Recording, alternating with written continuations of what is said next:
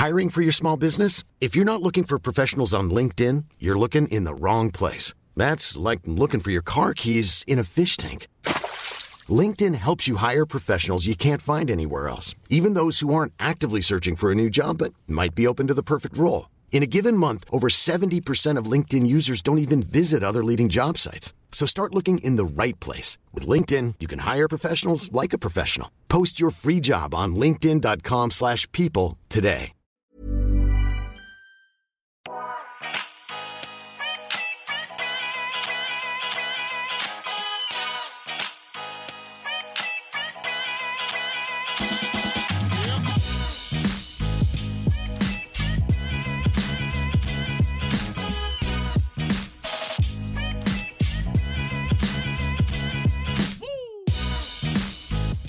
Välkommen till En timme med där jag, Sanja Tigeltia, träffar människor som inspirerar mig, som berättar om sina karriärresor, pratar självutveckling och hur de har kommit dit de är idag. I dagens avsnitt så träffar jag ingen mindre än superhärliga Petra Tungården. Petra har väldigt många hattar på sig. Hon gör så mycket olika saker. Hon arbetar som stylist, som influencer. Hon driver även sitt bolag Adore som har boomat de senaste två åren. Och eh, vi kommer att gå in på hur allting började. Var planen att bli en influencer? Vad var hennes framtidsdrömmar? Hur hamnade hon där och var mode alltid drömmen? Ehm, sedan så går vi även in på hennes resa med Adore. Hur funkar det egentligen att starta ett eget klädvarumärke, sälja kläder online och ha pop-up butik? Eh, allt ifrån det ekonomiska till att få ihop löner till anställda. Ehm, hennes självinsikt kring henne som ledare men också till hur man väljer eh, rätt produktion. Ehm, allt mellan himmel och jord och en väldigt ärlig story. Hej Petra! Hej Sanja! Så glad att ha dig här. Emma, så snälla, det är så mysigt i det här rummet. Ja men visst är det. Jag känner bara jag kommer få så mycket energi. Jag har en sån trött morgon. Åh gud, nu måste jag leverera här känner jag. Nej men det gör du bara av dig själv. Gud, så härligt. Hur startar du eh, din dag? Nej men snälla, alltså mina dagar det är liksom Ibland lyssnar jag på Josefin Dahlberg, du vet när hon sitter och mediterar och bara åh jag måste typ anmäla mig till en av hennes kurser för det är liksom harmoni. Jag har ingen harmoni i mitt liv överhuvudtaget. Vaknar alltid i panik antingen av att typ Harry du vet såhär hoppar med sin rumpa i mitt ansikte eller slår av liksom näsbenet. Spiller ut någon Cola light som står på säng, alltså bredvid sängen. Skriker. ja, det är bara det är liksom kaos från eh, början till slut. Mm. Och så mm. springer jag ofta runt naken och nu eh, så har vi fått låna en kompis lägenhet och då har jag insett att alla grannar också ser mig naken. så nu har de typ börjat pika för att de typ ställer sig och kollar, alltså för att de bara men du är obehaglig. Och så ser köket alltid ut som skit och så försöker man du vet, så här, slänga ihop någon frukost till Harry. Uh. Ja, det, är väl fortsätter så. Men För nu när man har fått barn då är det så här Alltså innan var det ju stressigt bara för att man skulle få sig själv ut genom dörren. Nu ska man så här, hinna lämna hunden på hunddagis eh, och då är det en slottid mellan halv åtta och åtta så man måste liksom vara där innan vilket betyder att då måste man lämna Harry direkt efter och då ska han på med alla kläder. Nej, det är bara du har inte gjort det lätt för dig att du har både hund, barn, Marcus. Alltså, ja, Marcus också. Fan. Men det är roligt, roligt för jag, vi har ju rest ihop till Schweiz på, med hästens och du var ju så jävla god där. Vi skulle dela taxi. Du försov dig lite lätt, trillar in, trillar in sent i taxin. Men Ikea-kassen Så folk tror liksom att jag är flott. Alltså ibland tror jag att folk tror att man ändå så här, man har en bild av kanske hur man är som person eller hur man ska se ut men ofta, alltså 80% av tiden ser jag ut som skit liksom och men kommer du... med någon IKEA-kasse och bara får panik så jag bara måste kasta ner allting i någonting stort så jag bara kommer iväg. Ja men du är så bjussig med det också att du inte leker den här liksom perfekta ordentliga ordningsamma mamman som liksom går upp och gör en liten eh, matcha latte. alltså man är ju glad om man får i sig en kaffe själv så känner jag. Liksom. Alltså sen man fick barn har det, liksom, det har liksom uppdagats, det har blivit ännu värre. Ay, gud. Och hur, alltså jag är nyfiken på, för nu, nu har du gjort en jäkla resa och du hur hamnade du liksom in i influencervärlden? Vart började allting? Var det här en plan eller bara blev det för att du är jävligt skön och duktig på det du gör? Kulle dig. Nej men alltså allting började, jag har alltid älskat att skriva. Mm. Alltså tycker att det är väldigt kul att så här, uttrycka mig både i liksom ja, men, eh, text och bilder. Alltså jag, när jag var liten så hade, gjorde jag alltid massa fotoalbum från alla fester för då fanns det ju liksom inte mobiltelefon, då hade man ju liksom Nokia 3310. Ja. Så då hade jag alltid med mig kamera så jag dokumenterade allt. Folk ja. tyckte jag var galen och gjorde så här stora fotoalbum eh, som alla kompisar ofta satt och kollade i. Och sen så älskade jag att skriva så här, roliga texter. Alltså jag var besatt av Denise Rudberg när jag var liten och hennes böcker, stod 38 av dem. Så sen så började då eh, Mikaela Forni, eh, min nuvarande bästis att blogga men då var hon typ så här, hon var kanske, ja hon var ett år yngre än mig och var liksom coola tjejen i skolan och hon startade en blogg som heter RAR. Eh, flest skor vinner. och då blev jag liksom inspirerad av att jag bara fan så kul att man liksom kan ha en dagbok på nätet. Uh. Men alltså mina första texter handlade, det var mer så roliga anekdoter från vardagen, från skolan, från ja. extrajobbet. Det var kanske inte så mycket liksom eh, mode på den tiden. Mm. Men sen mm. har jag liksom alltid haft ett brinnande om så inredningsintresse, modeintresse. Jag lurade alltid mina syskon när man fick liksom lördagsgodis att de skulle köpa godis och så kunde jag äta upp deras och så, så köpte jag tidningar för mina pengar. Alltså jag var besatt av magasin när jag var liten. Alltså jag kunde köpa, jag köpte så här sköna hem och var typ 10 år. Alltså, är det sant? älskade att bara sitta och bläddra i magasin. Jag hade någon liksom fäbless för om hela liksom, alltså det printade ordet. Liksom. Okej, okay. och då var det liksom en självklarhet och börja jobba med det sen när man liksom började ta studenten och bli klar och skulle liksom söka jobb och hela den biten? Men jag kommer ihåg jag var 16 år och då ringer typ, jag tror det var Aftonbladet eller Expressen. Ja. Bara, kan vi få göra en intervjuserie med dig? Och mina föräldrar bara, men gud! Och de bara, du ska vara med i samma uppslag som Carl Bildt. Alltså mina föräldrar var såhär, vad är det som händer? Jag bara, det ska komma en fotograf hem till oss! Jag bara, vi måste städa! Alltså jag, jag, det är så roligt för jag snubblade över den bilden igår. Eh, alltså av en slump, jag hade det på datorn. Alltså sitter jag där med min du vet, så här, stora PC och du vet så här, har piffat mig och så här, sitter där vid mitt tangentbord och då var det så här, vad har Petra 16 år gemensamt med Carl Bildt? Och då var det att vi hade en blogg liksom. Och då blev mina föräldrar så här, men gud men det här kanske liksom kan bli någonting. det är ändå rätt fett. Alltså så roligt. Ja. Men det var ju aldrig liksom eh, mitt mål och Nej. då fanns ju inte riktigt influenceriet Nej. på det sättet. Man hade ju, många hade ju mycket läsare som om Isabella Löwengrip eller Englas showroom var också ja, stor då. Just det. Och så kommer jag ihåg att Englas showroom länkade mig. Och då fick jag också jättemycket liksom följare. Ja, för så är det ju idag väldigt mycket att man får följare av varandra och ger och tar och lite sådär. Eh, känner du någon gång ja, med den här liksom rivaliteten? För det brukar jag ändå prata mycket med, med folk som är dina branschkollegor. Hur, hur man, för man någonstans slåss man ju med samma kunder eller liksom sådär. Hur, hur, hur känner du kring det? Alltså de flesta i min omgängeskrets är ju liksom mina bästa kompisar. Ja. så det vore ju för fan lite dumt om jag började bråka med dem. Nej, alltså så jag känner absolut inte. Nej. Jag tycker så här, alltså Alltså ju äldre man när man var yngre då gjorde man ju väldigt mycket samarbeten som kanske inte var trovärdiga, de kanske inte var rätt för en själv men allt var ju så nytt då. Mm. Så man hade ingen liksom kompass eller liksom inget facit hur det skulle vara utan då blev man ju nästan så här helt förblindad av alla pengar och bara mm. men gud vad kul samarbete. Alltså idag nu när man har landat i det och det faktiskt liksom har blivit ja, men en riktig bransch då mm. gör man ju samarbeten som alltså, är trovärdiga som känns eh, rätt för mig och mm. kunden så att jag har svårt att se att det är en konkurrens för att jag tror att man hittar liksom den bästa parten för Exakt. varandra och det är då det blir ett bra samarbete. Verkligen. Och du kanske inte är lika girig för de här snabba små affärerna längre utan du har landat i liksom vad som funkar. Gud ja, alltså ett tag så gjorde man ju bara samarbete med ja. Men nu jobbar man ju mycket mer långsiktigt och det mm. tror jag även alltså, företagen uppskattar. Verkligen, verkligen.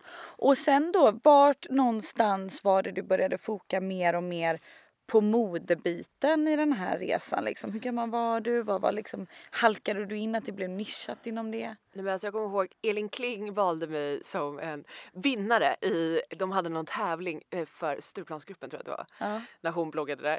Eh, och då kommer jag ihåg att för då började man ta så outfit i spegeln. Aha. Det var liksom, man hade ingen selfie cam utan det bara så här, jag hade någon så här suddig gammal spegel som man tog. Och då valde hon mig och jag bara men gud jag kanske typ har lite känsla.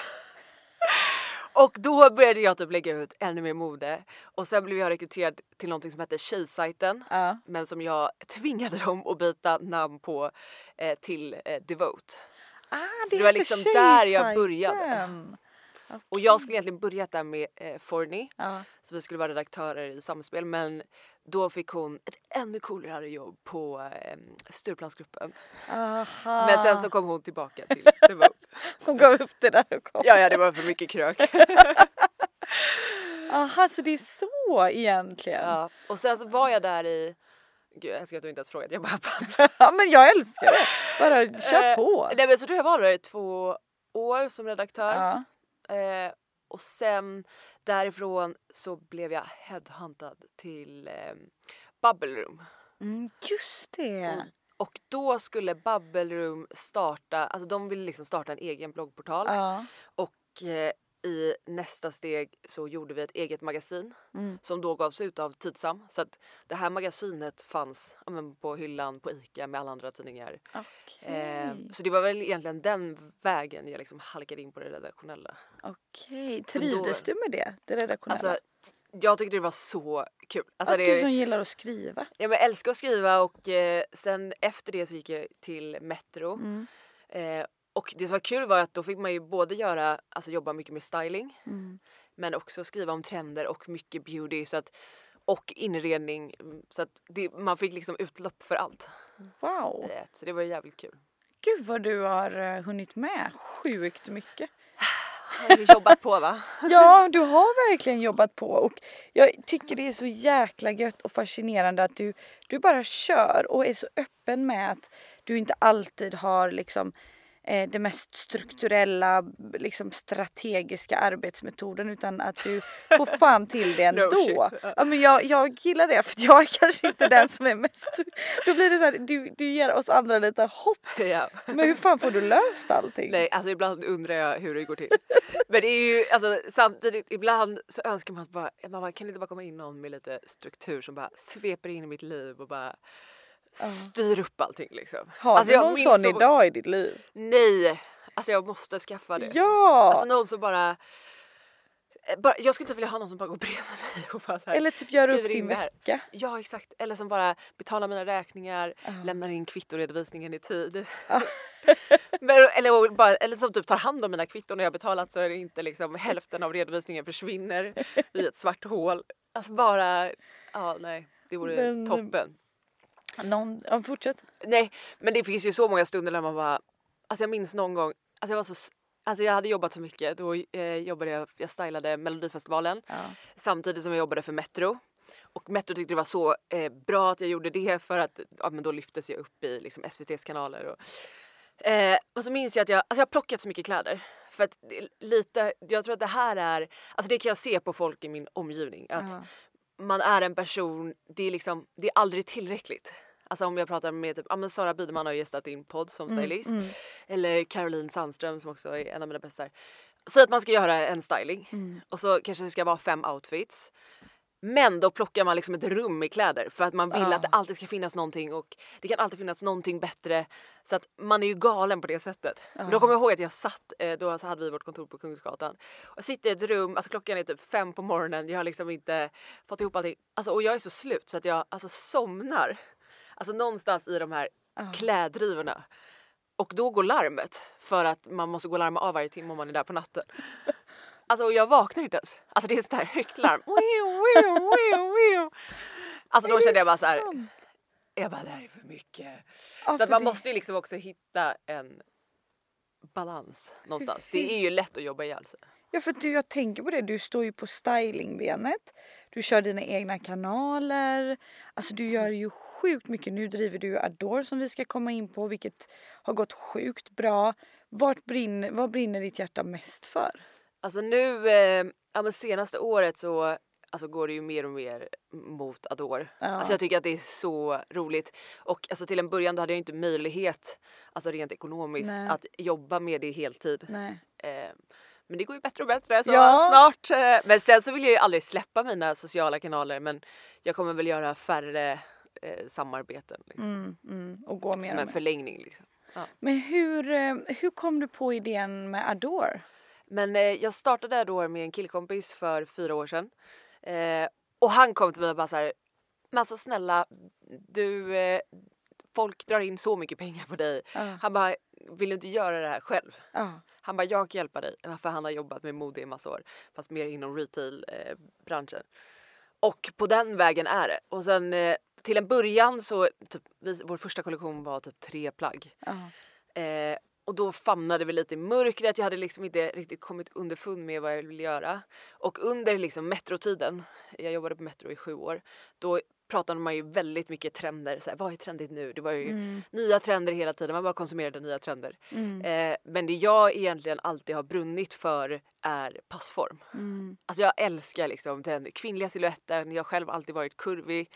Eh, och där tyckte jag, eh, det låter ju konstigt att det fanns ett glapp på marknaden för klänningar. Men jag tycker verkligen att det fanns ett glapp på marknaden eh, för klänningar som har den här riktigt tajta, nästan korsettliknande midjan. Ja. Ma- Som också har alla de här attributen som gör att plagget kommer sitta så jävla bra på dig oavsett vilken kroppstyp du har Ja. så kommer du liksom få den här kvinnliga siluetten.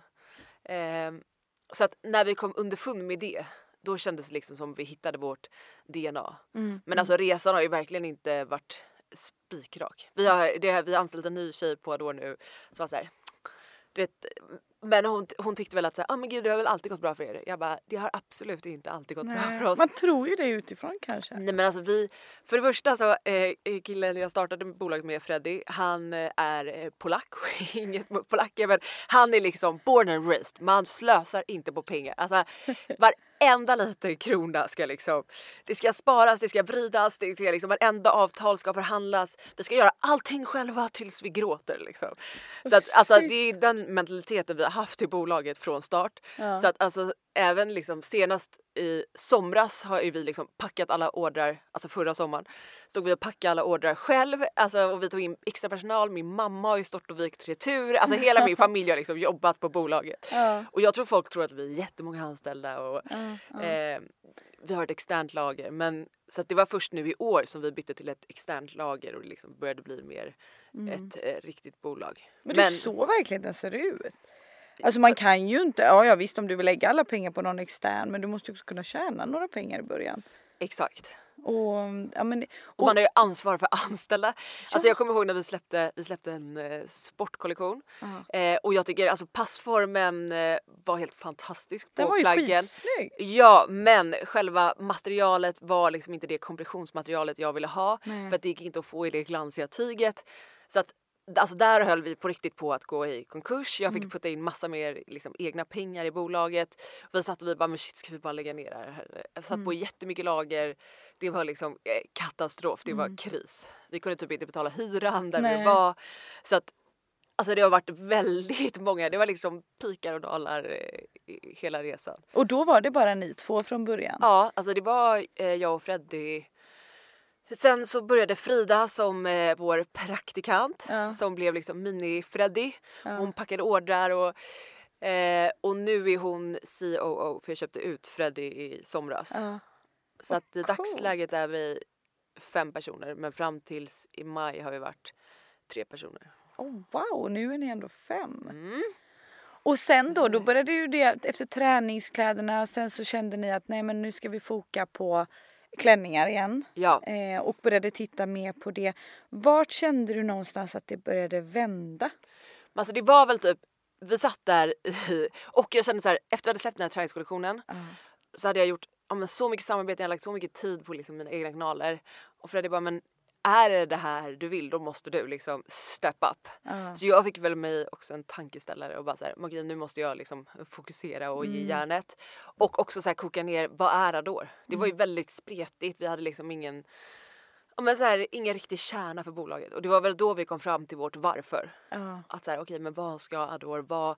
Alltså jag hade hela tiden vetat från början vad jag egentligen ville göra men hade liksom inte fått till det. Nej. Så att det var väl typ när vi släppte vår första eh, Paris-klänning som är vår storsäljare. Ja. Eh, då känner man så okej nu, okej nu har vi liksom hittat vad vi ska göra. Nu fortsätter vi på det här konceptet. Vi ska aldrig gå utanför vårt varför. Eh, passformen är liksom key. Mm. Eh, it's all about the fit som är liksom Ja. vårt eh, ledord. Och vi vill ju vara så här wardrobe heroes.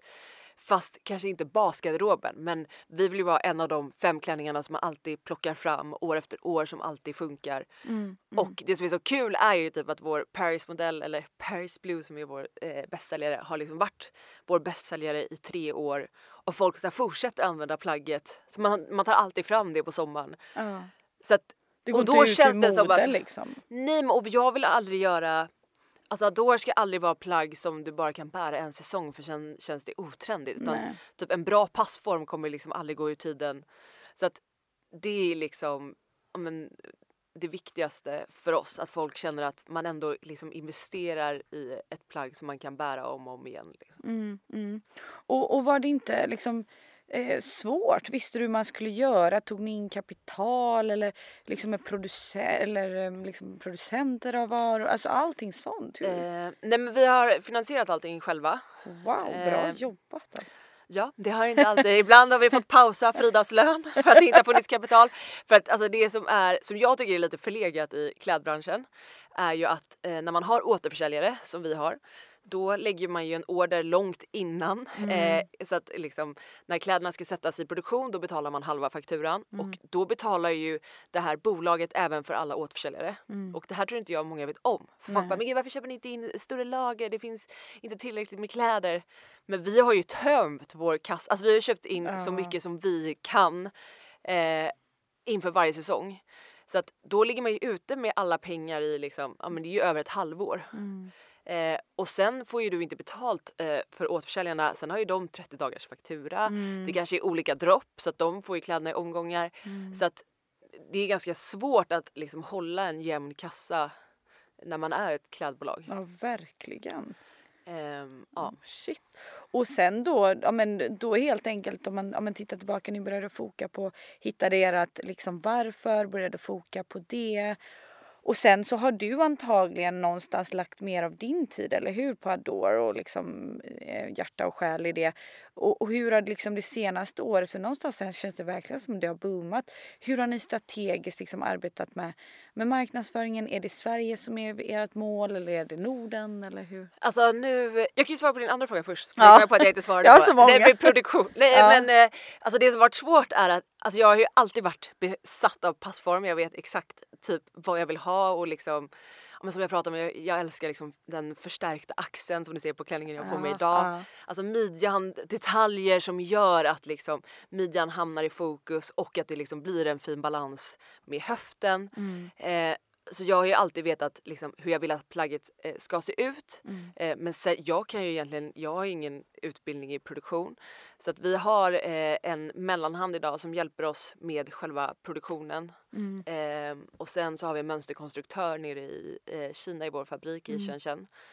Ehm, men alltså det har ju, vi gör ju så mycket samples som, det är Ja. väldigt många samples som inte går i produktion. För att eh, ja, men hon som äger fabriken hon bara det här kommer aldrig funka i, det här, i den här textilen. Jag bara testa, jag bara det kommer bli bra. Ja, Och sen, och sen kommer klänningen och hon, man bara det här blev inte alls bra.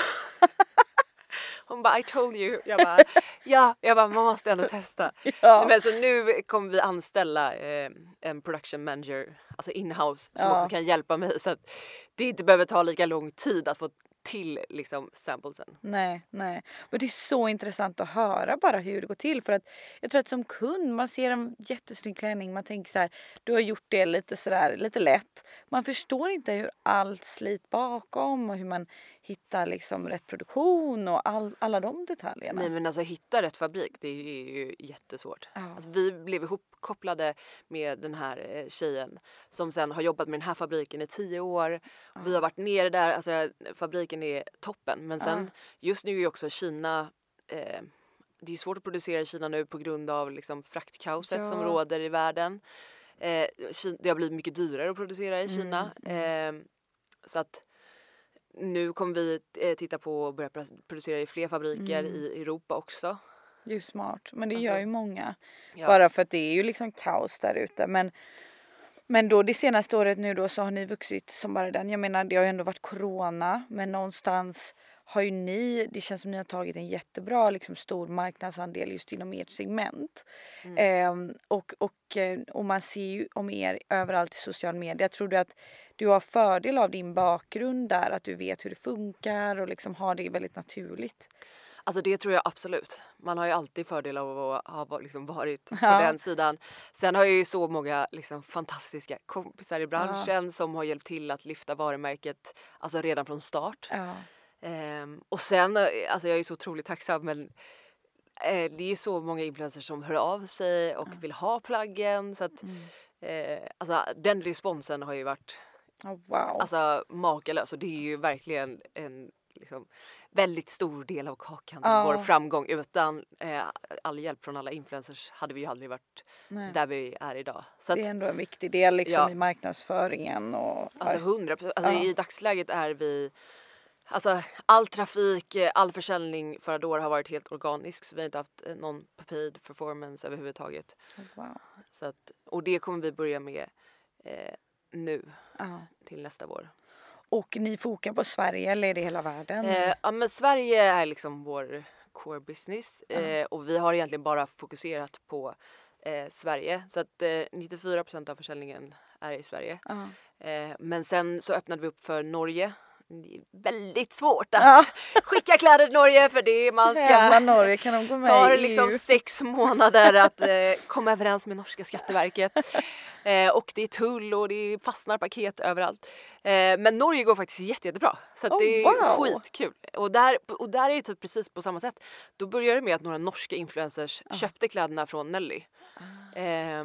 och sen så började folk med höra av sig bara kan ni inte skicka till Norge, kan ni inte skicka till Norge? Så så nu har vi öppnat upp till Norge. Finland nice. går också ganska bra men nu i vår kommer vi även eh, lansera alltså helhjärtat i eh, Nederländerna. Ja. ja men där finns ju verkligen potential. Men det känns som att man vill hitta länder som har liksom synergier mm. med kanske eh, med Sverige och liksom samma stil som vi har. Exakt. Sen tror jag att våra klänningar funkar ju på de flesta kroppar. De är mm. ganska tidlösa med en rolig twist så att jag tror faktiskt att de hade gått iskallt bra i alla länder. ja, ja men vadå aim high. Ja exakt. Och det är bara beta av land för land liksom. Ja men man vill ju liksom jag tycker hellre testa att gå in helhjärtat i ett land.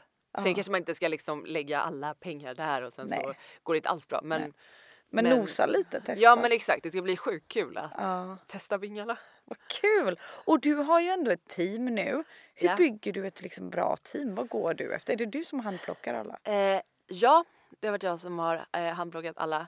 Eh, jag tycker att det är otroligt svårt eh, för att jag är egentligen inte liksom en vd-person i grunden. Jag är ju som du säger kaos och väldigt liksom kreativ. Jag gillar egentligen mest att liksom pyssla med mitt. jag är ingen liksom utvecklingssamtalsperson. Nej, det har jag haft nu. Jag är ju mer kompisen. Jag blir jättebra, ja. det spelar ingen roll vem jag är med, jag blir ofta bra kompis med folk. Så att för mig är det ganska svårt att ha anställda på det sättet för att jag blir direkt kompis med dem och då är det väldigt svårt att sätta gränser. Mm. Nu har jag liksom de som är anställda nu eh, har ju ändå respekt för mig så det funkar väldigt bra men jag tror i liksom några steg framåt så måste vi nog ha en extern VD mm.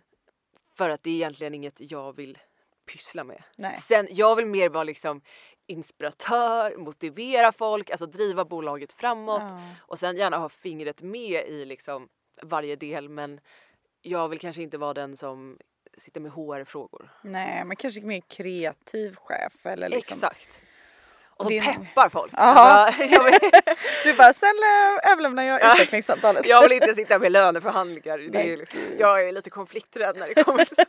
Jag bara, du vill ha höjning 50 det, blir, det går bra. Det går bra. Vad sa du, höjd pension? Ja, eh, det löser vi. oh, shit.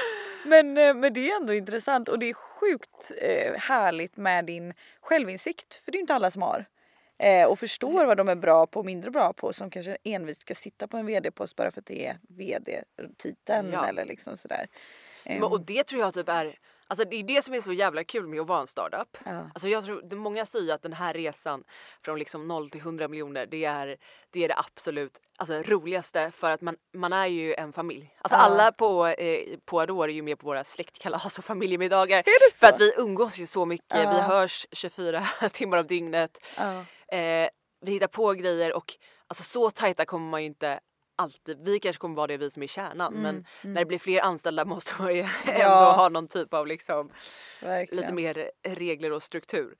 Eh, men det är också det som är kul för att när man kommer in i ett sånt bolag som är så litet då får ju alla, även om du sitter på kundtjänst, så får ju du hjälpa till med allt och vi gör gemensamma kollektionsgenomgångar. Ja. Alltså man får vara med på hela resan så att jag tror att eh, det är jävligt kul att jobba på en startup. Verkligen. Samtidigt som man kanske inte alltid får göra det man är bäst på. Nej, man får göra att- allt. Man får göra allt för att det måste släckas. Alltså det här året, den här våren för oss har ju bara handlat om att släcka bränder. Mm. För att vi har varit för få. Ja, det har ju hänt massa grejer med, eh, ja, med leveranser, fraktkaos. Mm, mm, mm. Så att det är så mycket som händer bakom kulisserna. Alltså där man bara, ena dagen sitter man och gråter och bara ah, den här leveransen har typ blivit såld till några pirater i Belgien. Man bara vad är kläderna? Eh, till att eh, man bara ah vi sålde allt! Alltså så det går bara upp och ner och nej, det, är, Oh, shit. det är spännande. Åh gud vilken resa. Men det är mycket ångest också. Jag är inte ens en ångestperson men det är mycket ångest. För Ja. att det är ju liksom, det är verkligen toppar och dalar. Det är så. Konstant. Och det ser man ju aldrig. Och hur, vad, vad går du efter liksom när du väljer en person in i teamet? Vad, vad tittar du på? Alltså de som är i teamet just nu är kanske väldigt lika mig. Sen är ju vissa mer, eh, eller mm, de är ju mer organiserade. Ja. Men jag tror att alla, alltså det jag älskar med människor är folk som är hungriga. Mm. Alltså folk som tar för sig, folk som inte är, är men rädda för att jobba, som, som brinner för bolaget lika mycket som jag gör. Mm. Alltså jag går väl mest, ja men mest på det. Mer det än vad de är på pappret liksom. Exakt. Alltså jag tror att alla, sen så har ju de flesta som jobbar hos mig en utbildning och liksom, ja, men erfarenhet i bagaget men jag tror att alla kan ju i princip lära sig allt. Mm. Sen kanske det blir en längre inlärningsprocess och, och den tiden kanske man inte alltid har. Nej. Men jag tror att alltså, nu i fortsättningen så kanske man kommer anställa lite mer seniora personer för att det behövs just nu. liksom. Mm, exakt. För att balansera upp Ja men kanske. exakt. Men jag, ehm, jag är lite nyfiken på för att som man förstår, och du tar nästan inga stylinguppdrag eller du gör det också eller nja? Nej alltså nu, eh, jag hinner ju knappt posta på min Nej. Instagram känns det som. Nej men det är det jag tänker. Hur Men nu är det ju vi, alltså nu är vi i ett skede när vi ska liksom, förra året så, gud nu kommer jag inte ihåg vad det var men vi gick från, för två år sedan så hade vi 23 styles till Mm. våren. Det här, den här våren hade vi 56 styles. Eh, I vår ska vi dubbla det så vi kommer ha 106 styles. Alltså så att, Wow. och jag sitter ju med all design Ja. själv så att det tar ju lite tid. Ja. Men nu har vi liksom tagit in en egen eh, printdesigner. Mm. Så att till en början då letade ju vi, ju- då åkte jag ner till Kina Mm. och gick på alla textilmarknader som är, alltså det är helt otroligt. Det är som att gå in på NK, alltså flera NKs med bara så här små butiker inne på liksom, Ja. alltså bara små butiker och så finns det så mycket olika tyger och så du bara går där i dagar och bara letar, letar, letar. Men då är ju också nackdelen att eh, vilket annat varumärke som helst kan köpa samma print. Du har ju ingen exklusivitet Nej. på det sättet. Men om det finns så många man kan ju leta ihjäl sig. Nej men jag såg ju massa varumärken så jag bara oj där är Rotates eh, förra klänning. Alltså man ser ju, ja ja det är ju skitkul. Åh vad roligt! Men, eh, men alltså, det, det är verkligen min nästa eh, fråga. Hur du får ihop allting. Vad är ditt life? Men gud jag får inte ihop det. Fast jo, du får ju faktiskt det. Och- mitt motto är ju det löser sig alltid. Ja för det är nämligen en av frågorna, vilken livsfilosofi Men jag tror alltid, alltså jag, är- jag är en extremt eh, positiv människa. ja. Eh, och har nog alltid varit det. Eh, så, så att, men typ min kille är kanske lite mer realist. Ja. Eh, så, men säg att vi håller på att missa ett plan. Är Ja. så här, bara, det kommer lösa sig, vi kommer inte missa planet. I så fall så kommer de eh, liksom koppla upp oss på ett nytt plan. Alltså jag bara, det Ja. kommer, och han, han har liksom brutit ihop på planet tio gånger om och bara Vi har missat planet! Och jag bara Alltså han tar liksom ut det negativa i förskott. Ja. Nu låter det som att jag snackar ner min kille men han är ju mer Realist. Ja, verkligen Ja, realist. ja. Och bara så här, det där kommer inte gå. Men det löser sig alltid. Det kanske inte alltid blir liksom den vägen man har tänkt att gå. Eh, men man kommer alltid fram. Men hur har du fått det här underbara mindsetet liksom? För det är ju lättare sagt än gjort men du lever ju verkligen som du lär. Nej, men jag tror mina föräldrar, det är väl tack vare mina föräldrar. De är väldigt så här, fria, härliga. Min pappa är helt galen liksom. eh, så jag tror man har väl liksom blivit uppfostrad så. Ja, Jag tror alla syskon är lite likadana ja det är så. på det sättet liksom. Och när du har en så här, om du har en skitdag eller ångest eller du är orolig för vad som ska hända med bolaget eller liksom allt vad livet hör till. Hur hanterar du det? jag vill komma in Ja, i. man har väl lite mental breakdowns. Alltså så, bara för att jag är jättepositiv betyder det inte att jag har liksom nej, nej, inte har men, några mentala breakdowns. Det har jag ganska ofta. ja men du, du är ju uppenbarligen väldigt bra på att hantera dem. Eh, ja, till och från. Ja. Nej, men alltså jag, man bryter ihop några gånger i månaden och bara det här kommer. För att nu börjar det, till en början var det ju liksom så småskaligt. Alltså nu pratar vi ju liksom flera miljoner inköp Ja. av kläder. Och alltså det känns som att det vilar ju en tung börda Ja. på ens axlar. Alltså kanske inte bara för ens egna ekonomi men även för ens anställda. Mm, mm, Eh, för alla återförsäljare. ja. Så att alltså det är ju en otrolig press att Ja. alltså designa något oavsett vad man designar.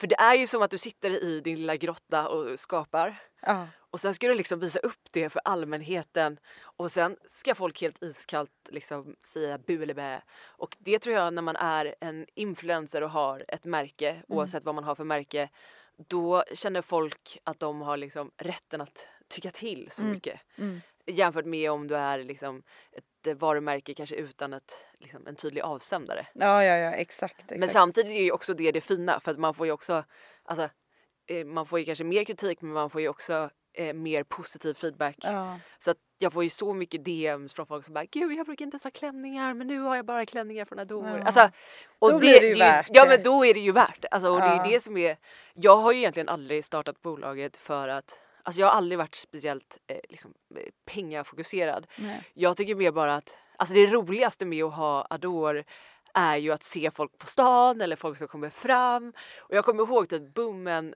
alltså det, det slog ju egentligen förra sommaren. Ja. Innan dess var det väl kanske några få som visste om det eller folk Ja. som följde mig. Men förra sommaren så var det ju corona. Ja. Eh, och jag hade typ inte varit i stan för vi hade hyrt ett landställe ute på Ekerö. Och så bara så var det flera kompisar som textade mig bara alltså det är Adore överallt och det är helt sinnessjukt. Alltså du måste komma hit till stan för att våra klänningar är väl liksom väldigt eye-catching. Så Ja. att om någon har på sig dem så ser man ju verkligen dem. Ja, Vilket kanske gör verkligen. att man tror att man ser dem mer än vad man gör. Ja, Men man så, det var ju verkligen boomen då, där Nej men alltså ja och då gick jag till Hallwylska. Sitter jag där och Hallwylska är ju väldigt, det är en restaurang i Stockholm, det är väldigt öppet, det är små Ja. kafébord. Sitter där och då är alltså, det är typ fyra bord där det sitter folk som har klänningar. Och du vet man bara, alltså det är ju det som är det känsla. roligaste. Ja, jag kan tänka mig det. Jo, och somras så var jag i eh, Marbella och så var vi ute på en klubb. Eh, och då var det också, alltså jag tror att det var sex pers, alltså olika sällskap som hade på sig Adore, det var ju såklart svenskar men Men och då kände jag också, jag bara, jag bara det här är ju fan mäktigt. Ja, det, det är mäktigare än just de här negativa grejerna som kanske kommer till ändå liksom. Nej men alltså 100 procent. Det är ju Mm. det som är det roligaste. Och jag önskar ju att vi, men nu har vi haft lite pop-up butiker och vi kanske, vi kommer nog aldrig ha en eh, fast butik som det ser ut nu.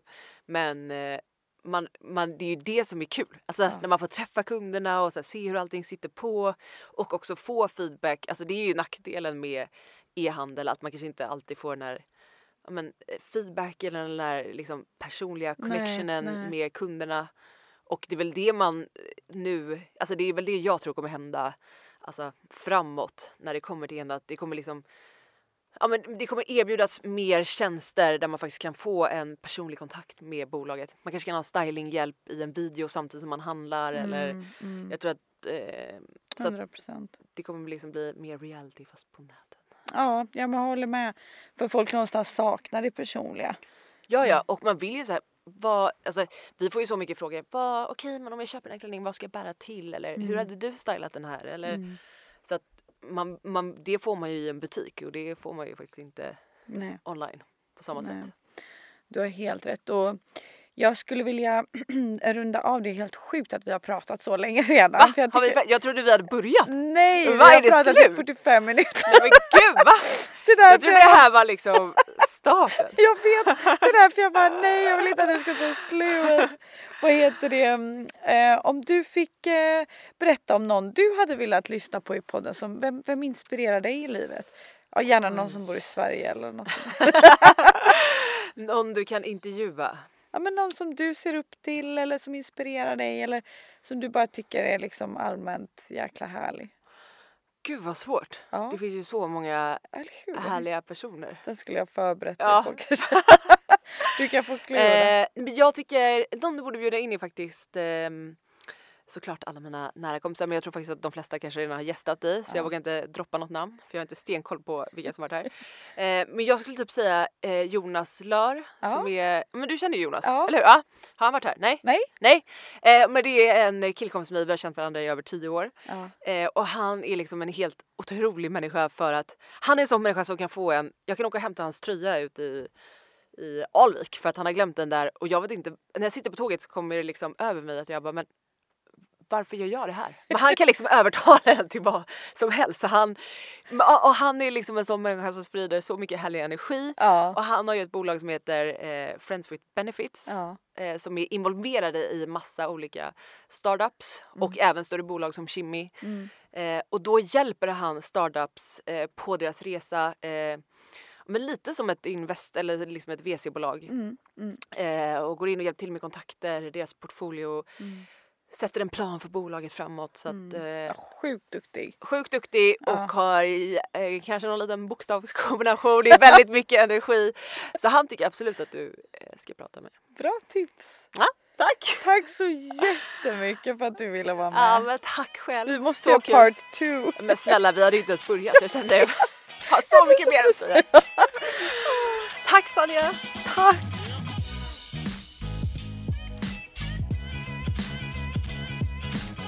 Om ni gillar podden så får ni hemskt gärna Planning for your next trip? Elevate your travel style with Quince. Quince has all the jet setting essentials you'll want for your next getaway, like European linen, premium luggage options, buttery soft Italian leather bags, and so much more. And is all priced at 50 to 80% less than similar brands. Plus, Quince only works with factories that use safe and ethical manufacturing practices. Pack your bags with high-quality essentials you'll be wearing for vacations to come with Quince. Go to quince.com slash pack for free shipping and 365-day returns. Imagine the softest sheets you've ever felt. Now imagine them getting even softer over time. That's what you'll feel with Bowl and Branch's organic cotton sheets. In a recent customer survey, 96% replied that Bowl and Branch sheets get softer with every wash. Start getting your best night's sleep in these sheets that get softer and softer for years to come. Try their sheets with a 30-night guarantee. Plus, get 15% off your first order at bowlandbranch.com. Code BUTTERY. Exclusions apply. See site for details. Dela den här med era vänner. Men också gå in och prenumerera och jättegärna lägga en liten kommentar. Det hade gjort mig så otroligt glad.